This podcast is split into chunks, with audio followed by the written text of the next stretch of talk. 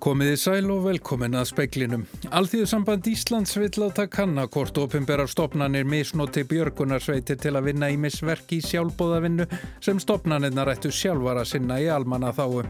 En eru talsverða ramagströflanir víða á landinu? Hjá landsniti vinna nú millir 70 og 80 manns að viðgerð á fjórum línum sem skemmtu stíla. Stæstu tryggingafélagin hafa skráð á annað hundra tjón eftir óveðrið í síðustu viku. Og Guðmundur Guðmundsson landslýstjálfari Karla í handbólta tilkynnti í dag 19 manna hóp fyrir Evrópumóti í handbólta í janúar. Um sjónamaður speilsins er Pálmi Jónasson. Alþýðusamband Íslands vil láta kanna hvort ofinberar stopnarnir láti björgunarsveitir í auknum mæli vinna í misverk fyrir sig í sjálfbóðavinnu sem stopnarnirna rættu sjálfara sinna í almanna þáu og hvort búið sé að skera svona mikið niður hjá stopnunum. Dæmi séu jafnvel um að starfsmenn sinni sama verki í dagvinnu og þeir sinna svo launalöst eftir að vinnudegi líkur. Haldur Grönvold aðstóða framkvæmdastjóri ASI segir það að það var ekki aðtíklu oft áður en ekki síst núna þegar óviðrið dundi á í síðustu viku að björgunarsveitarmenn hafi auknumæli gengi í störf sem eðlilegt hefði verið að vera hluti af grunnþjónustu í samfélaginu. Svo spurning vakni því hvort að þær stopnarnir sem slíku eiga sinna hefði dreyið svo mikið úr starfsemi sinni í sparnaðaskinni og þá í vaksandi mæli kalla á sjálfbóðaliða eins og björgunarsveitir. Hann segir björgunarsveitirnar vinna frábært starf en það hafði aldrei verið ætlunin að þær kemi staðin fyrir velferðar og öryggistjónustu í almanna þáu. Dæmi séu jafnvelum að starfsmenn stopnana í velferðarþjónustu, sem einni eru félagar í björgunarsveit, haldi áfram að sinna sömu verköpnum og þeir gerði í vinnutímanum, eftir að vinnu líkur en þá launalust. Slíkt sé kvorki sangjart gagvart þeim starfsmönnum sem þar fari á misvið yfirvinnu og fleira, neða almenningi sem dæmum stopnarnir sem nýti sér björgunarsveitirnar sé vegagerðin. Vegagerðin hún er að semja við eh, björgunarsveitir þegar kemur á lokun vega. Það sjáum nú bara í, í fjölmjölum. Við sjáum það að það er verið að semja við björgunarsveitir um landvörslu þegar það er verið að loka til dæmis hérna leiðum upp á, upp á hálendi og víðar. E, við sjáum það að það er verið að ræða um það að björgunarsveitir takja einhver liti að sér sko sjúkraflutninga Þannig að þetta er bara mjög víða því miður. Segir Haldur Grönvold, aðstofar frangvandastjóri ASI. Hann segir að ASI muni fara með málið lengra. Ég á vona því að við munum kalla eftir að, að það verði gerði einhvers konar úttækt á þessari þróun og þá leitt í ljós einfallega hver staðan er og, og hvort að þarna er um að ræða stórfælda misnótkun. Segði Haldur Grönvold, Haugur Holm tók saman. En eru talsverðar ramagströflanir víða á landinu. Hjá landsneti vinna nú meðli 70-80 manns við viðgerðir á fjórum línum sem skemmtust ítla. Starfsmenn landsnets vinna nú við að reysa síðustu ramagstöðrana í stað þeirra sem brotnuði í óveðrinu í síðustu viku. Þetta eru fjóra línur sem allar eru á Norðurlandi. Mestu skemmtinnar urðu á Dalvíkurlínu þar sem 32 stæður brotnuðu. Það er búið að nóg að gera. Þetta er búið að vera mikil vinna að reysa þetta og búin að vera hérna síðan á miðvíkardaginn að djöblast hérna, langi dagar kallt úti og mikið, mikið lýsar hreinsa þannig að þetta er búin að vera tölvert, tölvert álag á mannskapnum. Hefur þetta gengið vel? Já, þetta er búin að ganga bara þrælu vel góðu mannskapur, allir með huga á því að klára málið. Sæði Þóratur Þóratsson Óðinsson Óðinsson rætti við hann Rösklega 170 tjónstilkynningar sem tengjast óveðrinu í síðustu viku hafa borist tryggingafélugum. Stæstu tjónin er á Norðurlandi, Norðvesturlandi og í Vestmanneum. Mest fógtjón eða vegna skemdrar kælivöru eftir langvarandi ramagsleysi. Vatn hefur þá flætt þegar frósið hefur í lögnum. Sigrún Þorsteinsdóttir er sérfræðingur í forvörnum hjá Vís. Ekki búin að sjá alla tilkynningar vegna þess að í sumu tilfellum hefur fólk einfallega ekki komist í að skoða það sem tjón hefur orðið og uh, í sumu tilfellum líka á eftir að koma í betur í ljós hvernig ástandið er. Og ég hvet bara alla sumarhúsa eigandur til að aðtuga með húsín vegna þess að við erum, ekki, þetta er ekki bara vastjón það sem er á svæðinu það sem hefur verið ramslöst. Þetta er raun og veru vastjón alveg bara frá Grímsnesi og norður í, í land þá er að frjósa í lögnum og, eh, og það fyrir að leka út frá því þar sem að frýs og lögnin gefur sig og svo eins og tækin og heimilum og fyrirtækjum eru að skemmast bæði vegna ramasleysis og líka bara vegna svona óstöðuleika í ramagni. Varskipið Þór þarf að sjá Dalvíkingum og nærsveit tungum fyrir ramagni fram til næsta miðugudags þegar ramag fór af Dalvík í óveri síðustu viku var varskipið í fyrsta sinn nýtt sem hreyfanleg varaaflstöð. Ekki er hægt að nýta Þóri hefðbundin verkefni á meðan skipið bundið við Dalvíkurhöfn. Áskrimur Hell Áskrimsson, framkvæmdastjóri aðgerðasviðs landhelgiskeslunar, segir að varskipið Týr sé þó til taks. Tap fyrir atvinnureikundur vegna óveðursinn sem gekk við landið í síðustu viku er mikið. Hversu mikið það er verður tímin að leiði í ljós. Jón Garðar Stengrimsson, framkvæmdastjóri líftakni fyrirtækisins Genís á Siglufyrði, segir litlar upplýsingar hafa verið að fá um hversu mikil áhrif óveðrið geti hugsanlega haft. Ljóst sé að tjóni sé mikið fyrir atvinnureikendur. Hann segir leiðilegt að sjá að þeir sem reki á sjáu um raflinutnar taki ekki ábyrða því að koma upplýsingum á framfæri. Littlar upplýsingar hafi verið að fá um áhrif óvöðursins og hversu mikla líkur hafi verið að þetta myndi fara svona. Það hafi verið erfitt fyrir þau að ákveða hvað þetta að gera þegar veðri vestnaði þar sem upplýsingar voru takmarkaðar. Hjá Genís hafi sem betur fyrir verið ákveðið að keira vinsluna niður og setja hann á ís. Jón Þór Jósefsson, framleyslustjóri hjá mjölkursamlega kaupfélag skaffyrðinga, segir þá ekki hafa komið tjónlesa út á rámaksleysinu en það hefði geta farið verð. Við ramagsleysið eðilæðist 1,5 tonn af ostum sem er tjón upp á 2 miljónir króna. Fjórum til fimm tímum eftir að ramagnin fór fengu þeir vara af frá Rarik sem hjælt þá inn í öllum kælum og afverðageimslum. Áhrif óveðursins hafi hins vegar verið greinilega á kúabúin. Bændur hafi þurft að hella niður mikið af mjölk. Það taki hins vegar 2-3 vikur fyrir bændur og mjölkuframlendur að sjá hversu mikil áhrifin verða. Úla Árdal segði frá. Nýsjálendingar myndust í dag þeirra sem fórust í eldgósi á kvítveiu fyrir viku. Forsætisráð þeirra landsins bað aðstandendur að búa sig undir það að rannsókmálsins gæti tekið nokkuð tíma. Klukkan 11 mínútur yfir tvö í dag að staðartíma á Nýjasjálandi var nákvæmlega vika síðan eldgósið hófst og var hérna látnu minnst með þögn viða um landið. Á sama tíma sildi lágregla með ástvinni hinn að látnu að kvítu eigu eins nálagt og aðstæður lefðu. 47 manns voru á eiginu þegar eldgósið hófst, sumir alveg við gígin. Staðfest hefur verið að 16 fórust, tveggja er enn saknað. Mörg þeirra sem komust lífs af brendust alvarlega. Vísindamenn höfðu lísti yfir að fjalli gæti gósið á hverri stundu og því hafa margir óska eftir rannsókn á því hvers vegna var farið með ferðamenn á eiguna. Forsættis á þeirra landsins Jacinda Arden sagði á fundi með bladamennum í dag að rannsóknin geti tekið nokkur tíma. Obviously, WorkSafe already have announced that they'll be undertaking, as you would expect, a, a full investigation. They have a 12 month period by which, if they are going to, they would need to um, uh, uh, pursue any charges if they determine that that's necessary. Vinnu eftirlitið hefur þegar tilkynnt eins og við var búið að það ætli að hefja rannsókn. Þau hafa tól mánuði til þess að leggja fram kærur, ákveðu þau að það verði niðurstaðan, saði fórsetisráþurann á fundi með bladamannum í dag. Dagni Hulda Lendstóttir segði frá og nánari fjallaðum kvítu eigju síðar í speiklinum. Guðmundur Guðmundsson, landslýfstjálfari Karla í handbólta, tilkynnti í dag 19 manna hóp fyrir Evrópumótið í handbólta í janúar. Ísland er þar í reyðli með Danmörku, Rúslandi og Ungverjalandi. Guðmundur segir að viss kynnslóðaskipti eigi sér stað hjá landslýðinu þessi misserinn en aðtegli vekur að hann valdi reynslubóltan Alexander Pettersson í hópin. Hann hefur ekki gefið kost á sér í landslýði í nokkur ár. Hann er fyrstulega frábær leikmaður, bæði vörn og sókn og frábær karakter. Hann er mikill baráttu maður og, og með mikla reynslu og kemur með mikinn kraft inn í liðið án Eva. Þannig að ég er mjög þakkláttur fyrir það. Hann gefur kost á sér fyrir íslenska landsliðið og ég eh, hlakka til að starfa með honum á nýjan leik. Það er ótt að segja að þetta sé snúin riðil sem við fáum. Já, þetta er mjög snúin riðil og, og það verður bara að segja þess að segja að svona, það er ekkert liðarna sem að, eh, þetta er allt góði lið, hvert einasta lið og það er nú bara ómúld að segja hvernig þetta þróast. Við hefum náttúrulega mjög erfitt verkefni í fyrsta leik að spila við hefismistara Dana og, og olimpíumistara. Þannig að það þarf að koma sér vel í gegnum þann leik og síðan býð okkar náttúrulega rússar í leik 2 og, og ungverjar. Ég hef þetta búin að skoða það og mér finnst þetta frábær lið alls saman, þannig að þetta er, þetta er mjög erfiður yfir. Þetta var Guðmundur Guðmundsson, Haukur Harðarsson talaði við hann.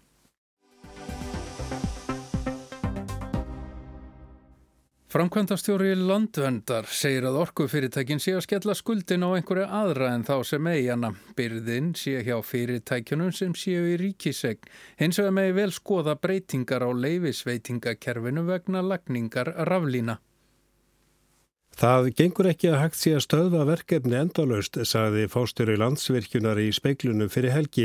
Eftir óveðri sem gekki við landið sem allir rafmagsleysi víðum land hefur afteglinni beinstað raforkuflutningskerfinu.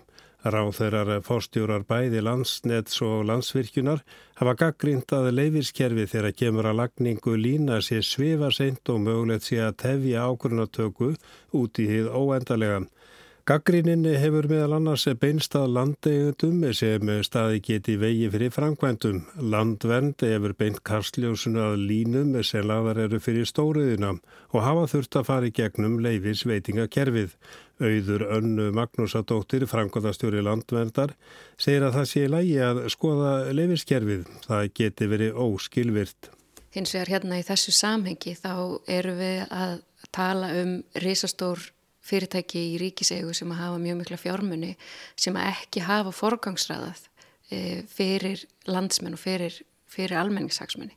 Þeir hafa forgangsræðað sinni starfsemi fyrir stórnotendur, það er stóriðina og þegar þeir hlaupa upp til hand og fóta og kenna einhverjum öðrum um þeirra einn mistök og þeirra skrítni forgangsröðum þá er það mjög enginlegt. Það hefur komið fram að stóruði fyrirtæki leggja ríka áherslu á að þeim sé tryggt rafmagn sem í raunu gefur að skilja.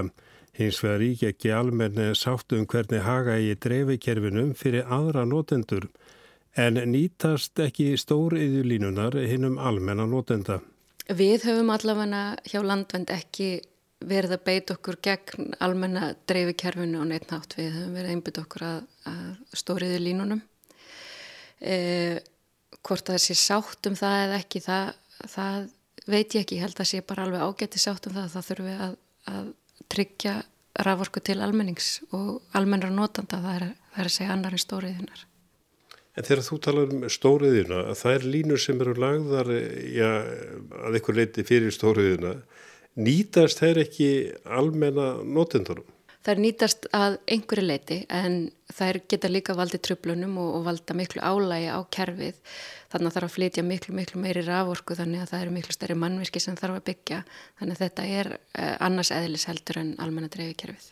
Til margsum senagangin í kerfinu benti fórstur í landsvirkinar á að nú að þessu ári væri fyrsta uppbyggingaverkefni landsnets að fara af stað en fyrirtæki hefur starfað í 15 ár. Auður segir að ræða með breytingar á leifiskerfinu en felast einhverja hættur í því að kerfið verði einfaldað of mikið. Það er náttúrulega alltaf hætt við því. E, það sem við erum að tala um að það má alveg einfalda kerfið e, en kerfið verður að vera þannig að þetta sé ekki e, svo kallat check the box sem sagt að þú uppfyllir það að, að sækja um ákveðin leif og það er aldrei verið að taka ákverðin á neinum stað sem sagt að við erum ekki að skoða umhverfisáhrifin í heild heldur er, er eh, framkvæmdar aðalinn bara að fara í gegnum einhvert, einhvert kerfi, einhvert system þannig að á endanum hann fái leifi. Það verður að vera tekin virk ákverðin þar sem að umhverfismálinn og náttúruvendarsjónamiðin þar sem að þeim er gert mjög hátt undur höfði og ákverðin sem er tekin getur þá verið neitun sem sagt að það er óásættanlegt vegna umhverfisáhrif að fara í þessa vegferð. E, nú erum við með óþarlega mörg stig og það er ekkert endilega gott fyrir, fyrir umhverfisvendarsamtök að þurfa að vera á vaktinni á öllum þessum stigum. En hins vegar hefur við gaggrind það að náttúruvendin hefur uh, ekki verið í forgrunni og, og henn er ekki gert nógu, hátundur hög og það er einhvern veginn virðist vera þannig að það er ekki ekkert að taka þá ákvörðun að e, það eigi ekki að fara í ákvörðuna framkvæmt af umhverfisvendarsjónum með. Landeigendur sem jafnvel hafa ekki fasta búsetu á landum sínum hafa verið gaggrindi fyrir að geta hindra framgang framkvæmda en finnst auði að fyrirtækin sé að fríja sig ábyrð og skella skuldin á aðra. Það er engi spurning, það er verið að skella skuldin á einhverja aðra. Þessi ábyrð liggur hjá þessum fyrirtækjum sem er í ríkisegu og þau hafa skildum að gegna gagvart almenningi og eiga standa sig í því. Þannig að mér finnst algjörlega já verið að að skella skuldina á einhverja sem eiga ekki skuldina. Eh, en varðandi rétt landeganda þá er þetta eignaréttur sem að er ótengdur umhverfismálum. Umhverfisvendarsamtök hafa mjög lítinn rétt gagvart íslensku dómskerfi og okkur er ítrykkað að vísa frá dómi e, þar sem að landegundur hafa möguleika á að, að sækja, sækja sinn rétt. Þetta var auður önnu Magnúsadóttir Arnar Páll Haugsson talaði við hana.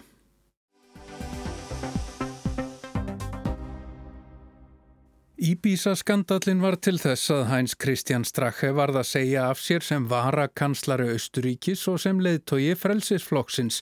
Nú er hann sakaður um að hafa tekið við töskum fullum af peningum frá Östur-Evrópu fyrir pólitíska greiða.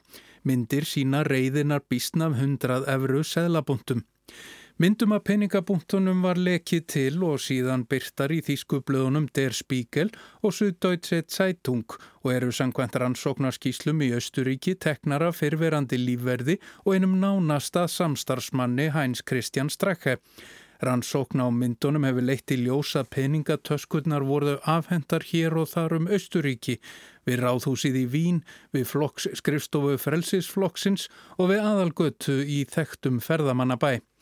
Þegar Íbísa skandallin kom upp í vor var skipuð sérstök rannsóknar deild innan lauraglunar og hún rannsaka nú þessa dulafullu peningatöskur. Spíkel og Suðdóitse byrtu einmitt Íbísa myndböndin í mæ en þar sérst leðtóin Hæns Kristján Strache og þingflokksformaðurinn Jóhann Gatuneus ræða fjálglega við konu sem þeir heldu að veri náfrænka rúsnesks auðjöfur.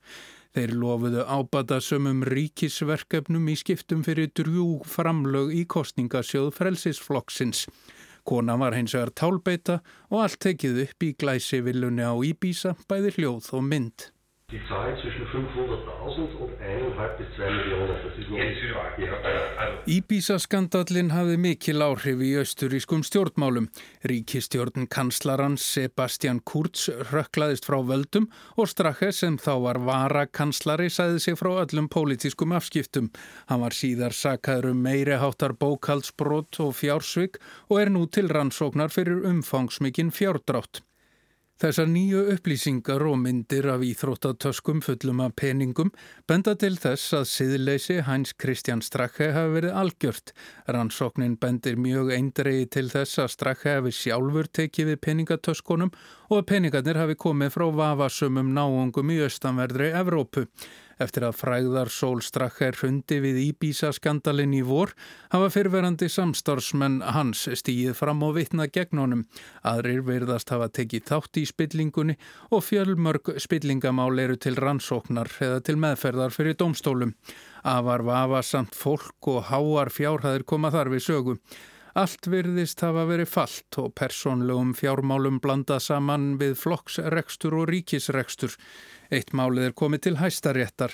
Þar borgaði úkrænskur auðjöfur 10 miljónir evra eða 1,4 miljardar króna til að tryggja sér samninga í Östuríki. Flokkurinn fekk 4 miljónir evra, formaðurinn strakkað tvær, lögmaðurinn sem sá um samningin tvær og milligöngumadurinn tvær. Sá fekk reyndar aldrei sinn hluta og höfðaði mál.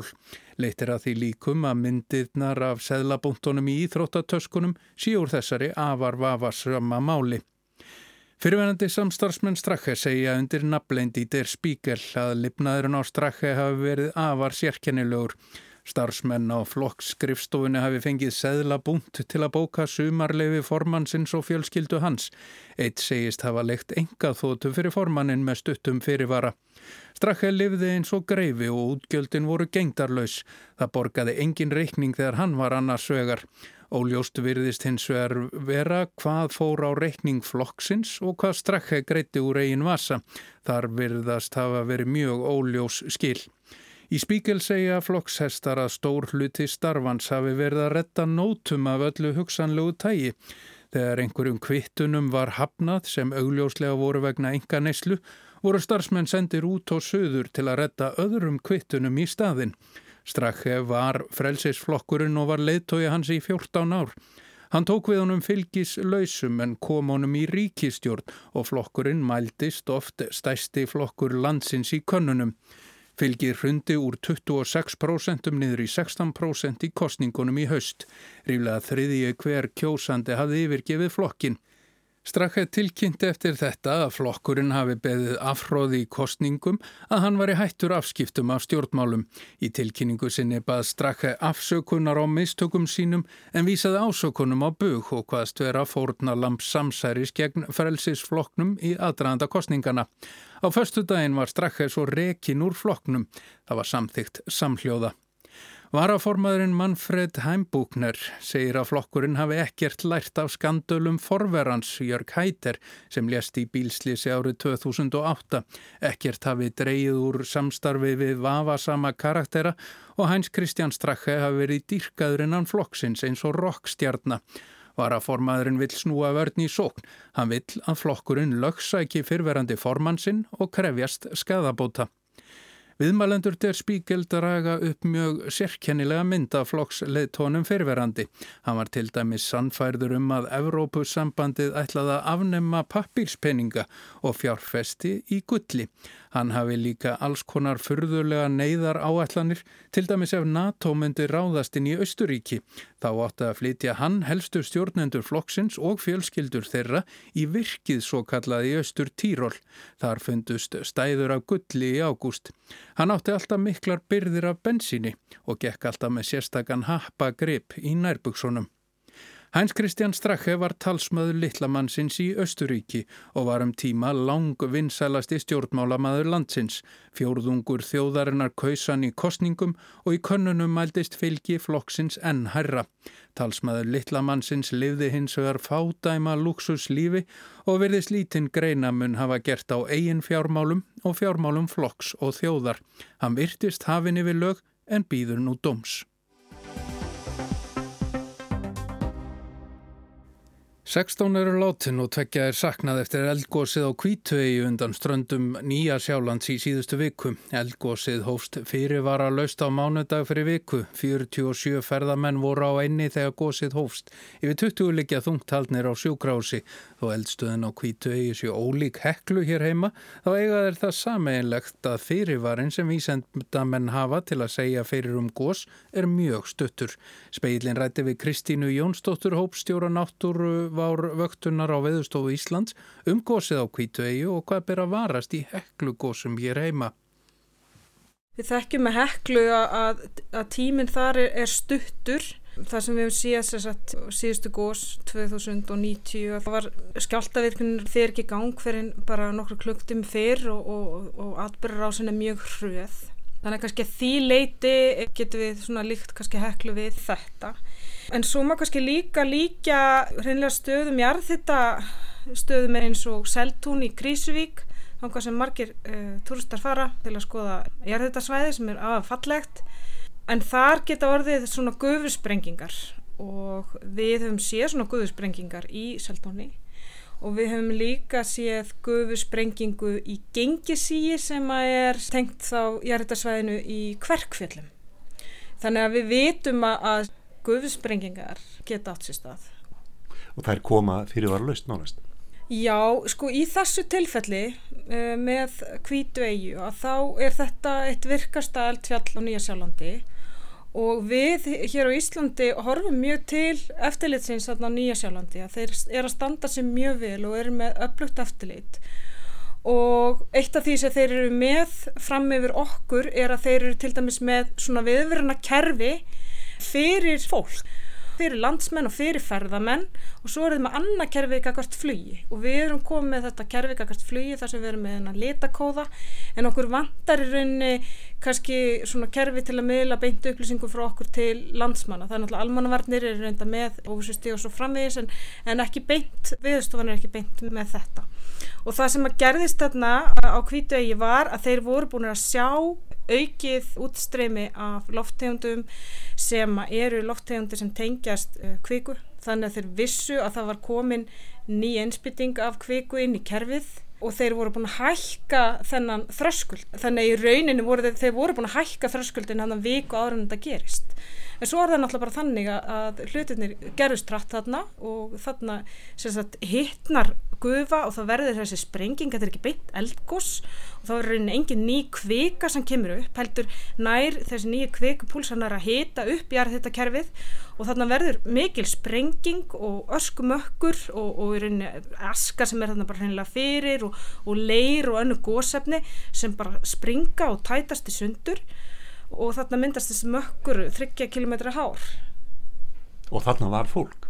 Og þarna var fólk og þarna er eh, sagt, mikill eh, ferðmannaströymir í þessa eigu og ég get svo sem alveg sjálf skilið það að fólk hefur áhuga að skoða eldfjöll. En þetta fólk er að fara alveg inn í gíin sem er auðvitað hættulegt. Og ég veit vendilega að það er að taka þessi áhættu að eldfjallið er komið þarna það er búið að hækka þessa viðvörun upp í tvo. Það er takmarkaður aðgangur inn í þessa innátasvæðin á þessa eigu og annað sem er kannski pínu flóki þarna er að eigin er í enga eigu þannig að mér skilst það að sé kannski erfitt einhvern veginn beint að banna aðgangaðinni en hérna við á Íslandi erum við mjög góði samstarfi við almanvarnir og uh, almanvarnir taka ákvarðanir um að loka svæðum og rýma. Og við erum treystum rosalega mikið á gott samband við almanvarnir þannig að það að sé hægt að bjarga fólki og eigum. Mm. En þetta leiði kannski hugan að eh, heklu einmitt, þar er fólk gerðnan í gönguferðum í hlýðum eldfjálsins. Mm -hmm. Sko hvaða möguleika á það ef að hekla bærir á sér? Já, nú uh, er það svo að sagt, frá síðasta gósi að þá hefur átt sérsta mikil uppbygging á vöktunarkerfum og uh, bæði erum við núna með vakt hérna allan sólarhingin og við erum að streyma gögnum sem því það bara frá því að eitthvað mælist að þá er það bara komið upp að skjáu hjá okkur eftir nokkru sekundur en svo erum við líka komið með miklu fleiri tæki. Þannig að ég vil meina að við sem komið með í rauninni næmari vöktun heldur en var hérna árið 2000 þannig að við getum séð minni skjálta og við ættum í rauninni að geta séð fyrirbóða ennþá fyrr Það sem er svo bæst við vöktuna er að við erum komið auka þenslumæla sem að mæla þá aflugun af því að kvikan, sko, það sem er ólegt með þessum eldfjöllum uh, kvítuegi og, og heklu er að eldgósun í heklu er virkir að eldgós, það er kvika sem kemur upp. Og fyrsti fasin er svona byrjunin á heklugósum er sérstaklega yfirleitt mikil sprengiverkni þannig að þetta er, þetta er hættileg byrjun vissulega en áður en að þessi kvika kemur upp þá þarf hann einhvern veginn að búa til eitthvað pláss. Og því ætti að fylgja einhver skjáltavirkni og svo erum við komið gasmæla bæði alveg upp á toppnum og svo líka í, í hlýðum heklu er, eru gasmælar. Þannig að við bindum mikla vonir við að, að sjá merki fyrr En auðvitað er það svo að ef að það verða engin gasmerki og ef að þetta verður sveipað og síðast að þá kannski sjáum við svona kannski uh, tveimur klukkutími fyrir eitthvað slíkt að það virkni er að fara að aukast og kannski klukkutíma fyrir komin einhver almenn viðvörun og ef þú ert upp á toppnum og þú hefur klukkutíma til að koma þig niður að þá ertu ennþá inn á hættisvæði þegar elgósi hefst, það er nú bara þannig. Er einhver ástæða til þess að takmarka einhvern aðgang þarna að hlýðum eldhelsins? Ég held að sé ekki ástæð til þess að takmarka neitt aðgang að þessum stöðum á meðan ekkert sérstatt er í gangi. Og mér finnst mikilvægt líka bara að fólk læra að treysta okkur á viðstónu sem höfum þetta hlutverk og treysti almannavörnum til þess að grípa til aðgerða. Og þegar þú kemur inn á svæði og fólk og, og ferðarmann koma inn á svæði sem að eru hættileg þá eru nú yfirleitt eitthvað skildi og eitthvað upplýsingar. Þannig að auðvitað er mikilvægt að fólk skoði, taka sér tíma í að lesa sér skildi og helst að lesa sér til að það eru að ferina okkur svona svæði og taki metið það sjálf hvort það sé tilbúið að taka þessa áhættu eða ekki. Af því að auðvitað getur alltaf eitthvað gerst sem við sjáum ekki fyrir. Ábyrðin er hjá manni sjálf Já Og það var Kristján Sigurjónsson sem talaði við Kristínu Jónsdóttur. En í speiklinu var þetta helst. Alþýðu samband Íslands vil láta kanna hvort ofinbæra stopnarnir misnoti björgunarsveitir til að vinna í misverki sjálfbóðavinnu sem stopnarnirna rættu sjálfar að sinna í almanna þái. En eru talsverðar ramaströflanir víða á landinu. Hjá landsniti vinna nú melli 70-80 manns að viðgerðum á fjórum línum sem skemmtu stíla. Stærstu tryggingafélagin hafa skráð á annað hundra tjón eftir óveðrið í síðustu viku. Og Guðmundur Guðmundsson landslýfsjálfari Karla í handbólta tilkynnti í dag 19 manna hóp fyrir Evrópumótið í handbólta í januar. Tæknimaður í speiklinum í kvöld var Mark Eldrett, verðið sæl.